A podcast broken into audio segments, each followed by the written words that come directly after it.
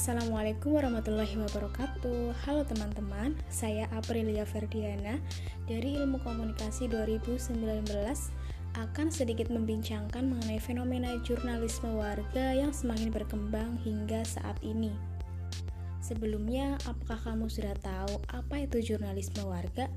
Kalau belum, saya mau kasih tahu supaya dalam beberapa menit ke depan bisa lebih paham tentang topik inti yang akan kita bahas.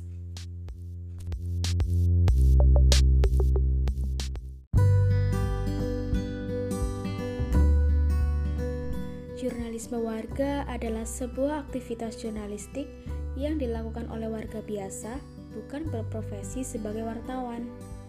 Kegiatan yang dilakukan pun sama seperti wartawan, yaitu mengumpulkan berita dan melaporkannya. Bedanya, mereka tidak terikat instansi dan melakukannya secara inisiatif. Lalu, bagaimana posisi CJ saat ini dalam ranah media di Indonesia? Kalau mau tahu, simak terus podcast ini sampai selesai ya.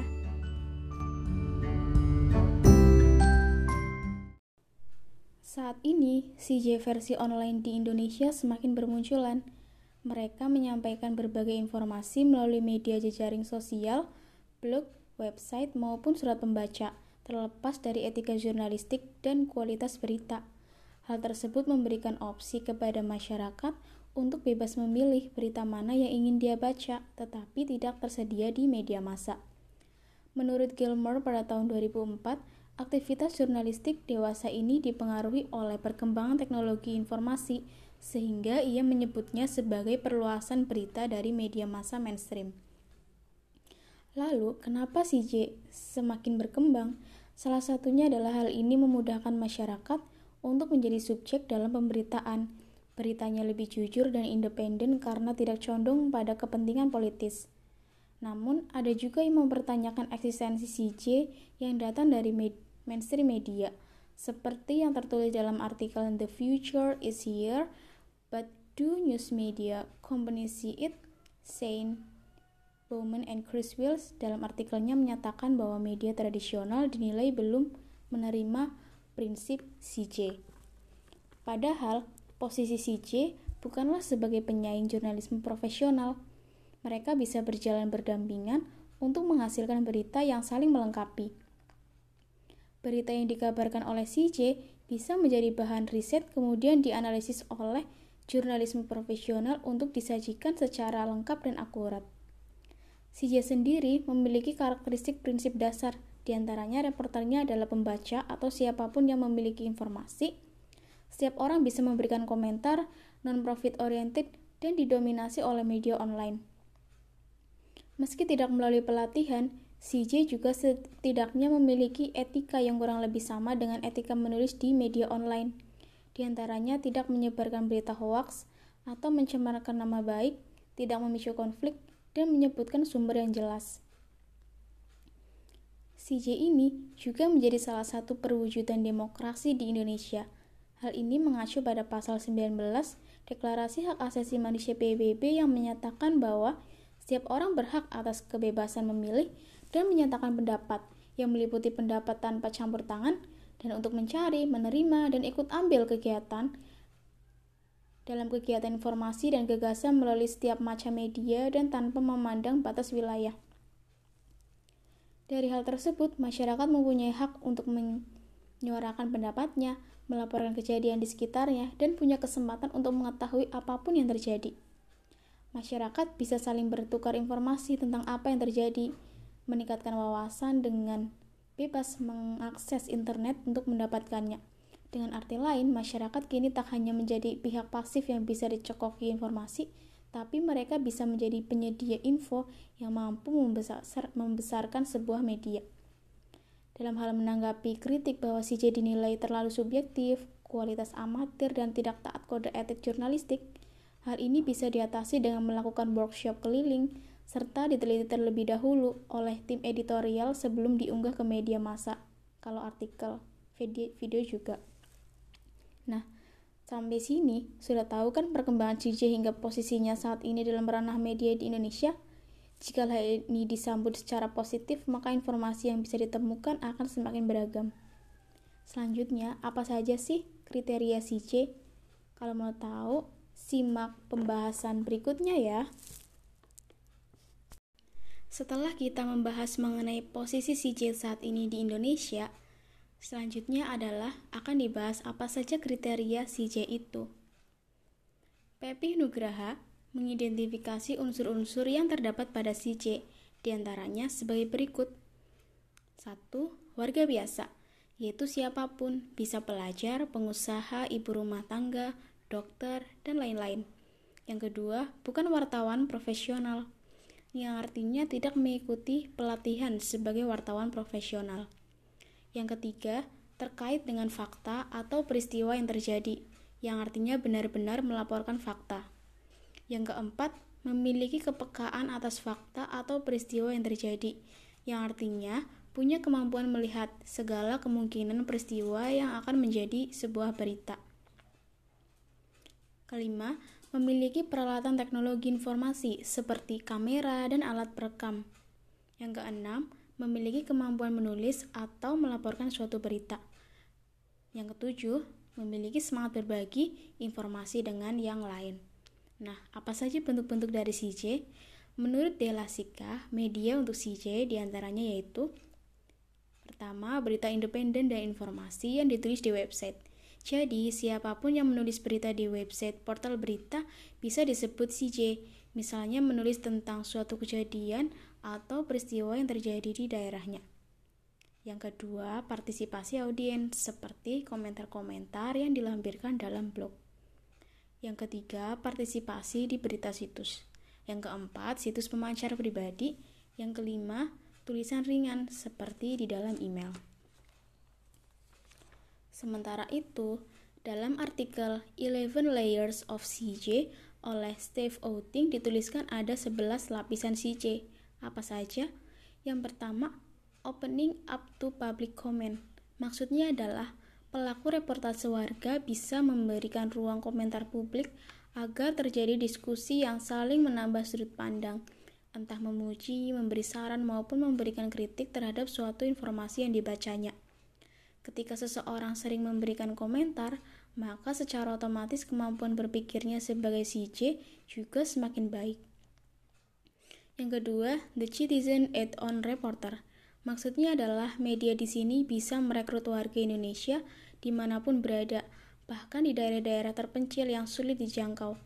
Mereka bisa disebut dengan stinger, tapi berita-berita yang dilaporkan tidak mencantumkan nama Stinger tersebut.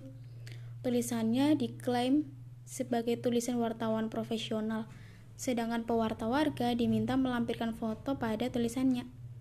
Jadi, itulah bedanya mereka yang berada di perbatasan bisa dibilang sebagai perwakilan yang memberikan informasi-informasi pada media tentang terjadinya peristiwa sehingga siklus informasi bisa berputar dan tayang cepat dari seluruh penjuru Indonesia. Yang ketiga, open source reporting. Dalam hal ini, warga biasa bisa berkolaborasi dengan jurnalisme profesional dalam penyajian sebuah berita. Misalnya, warga biasa bisa memberikan info tentang suatu kejadian, begitupun sebaliknya. Ketika warga menulis sebuah berita, jurnalisme profesional bisa memberikan bantuan dalam pengarahan dan melakukan pengecekan keakuratan sebuah tulisan CJ. Yang keempat, The Citizen Blog House. Warga yang memiliki blog pribadi bisa menyuarakan pendapat atau informasi di blog ini. Nah, di blog ini juga bisa tercipta interaksi antara warga dan jurnalis. Di room inilah keterbukaan tumbuh, saling berbagi pengalaman dan sudut pandang masing-masing. Yang kelima, The Stand-Alone Citizen Journalism Site Edited Version. Maksudnya adalah sebelum tulisan warga bisa dipublikasikan di media, tulisan tersebut harus melewati proses editing terlebih dahulu untuk menyaring berita yang benar-benar berkualitas dan terpercaya. Yang keenam, Stand-Alone Citizen Journalism Site United Version. Berbeda dari yang sebelumnya, pada langkah ini, tulisan CJ tidak akan melewati proses editing sebelum tampil di website. Penulis bisa langsung menayangkan informasi tersebut tanpa perlu menunggu ACC. Misalnya, Di Kompasiana, orang bisa menuliskan apa pun tanpa harus melewati proses pengecekan. Namun, perlu diperhatikan bahwa setiap media pun ada kebijakannya sendiri, sehingga setiap tulisan hendaknya dicek terlebih dahulu. Yang nomor tujuh adalah Add a Print Edition. Ini adalah gabungan dari standalone CJ, edited version, dan unedited version dengan edisi cetak. Cara kerjanya adalah sebuah topik yang sudah diupload di media online lain, tulisan yang terpilih akan dimuat ulang di media cetak. Proses ini juga melalui editing yang tepat, supaya beritanya benar-benar kredibel, berkualitas. Yang kedelapan, the hybrid pro-citizen journalism. Dalam hal ini, CJ dengan jurnalis profesional melakukan sebuah kerjasama. Artinya, tulisan jurnalisme warga dengan jurnalisme profesional bisa berdampingan. Yang sembilan, wiki journalism where the readers are the editor. Dalam hal, dalam hal ini, jurnalisme warga pembaca juga bertindak sebagai editor. Nah, dari beberapa hal di atas, ada begitu banyak wadah wad untuk jurnalisme warga. Semua tinggal bagaimana wadah tersebut dimanfaatkan untuk memberikan informasi yang kredibel sehingga bisa memperkaya wawasan.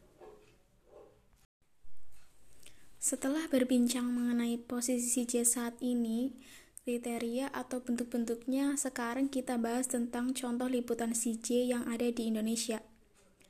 Di sini saya ambil contoh salah satu liputan dari warga yang terbaru berupa artikel berjudul Liburan Berkedok ASN Work from Bali diambil dari galamedia-news.com kategori Citizen Journalism yang tayang pada 18 Juni 2021 pukul 13.49 waktu Indonesia Barat. Tulisan di artikel tersebut diawali dengan narasi sebagai berikut. Pandemi COVID-19 di Indonesia tak kunjung selesai. Tingkat pengangguran semakin tinggi dan perekonomian Indonesia tak kunjung membaik, khususnya pada bidang pariwisata. Nah, di sini penulis langsung mengungkapkan inti masalahnya.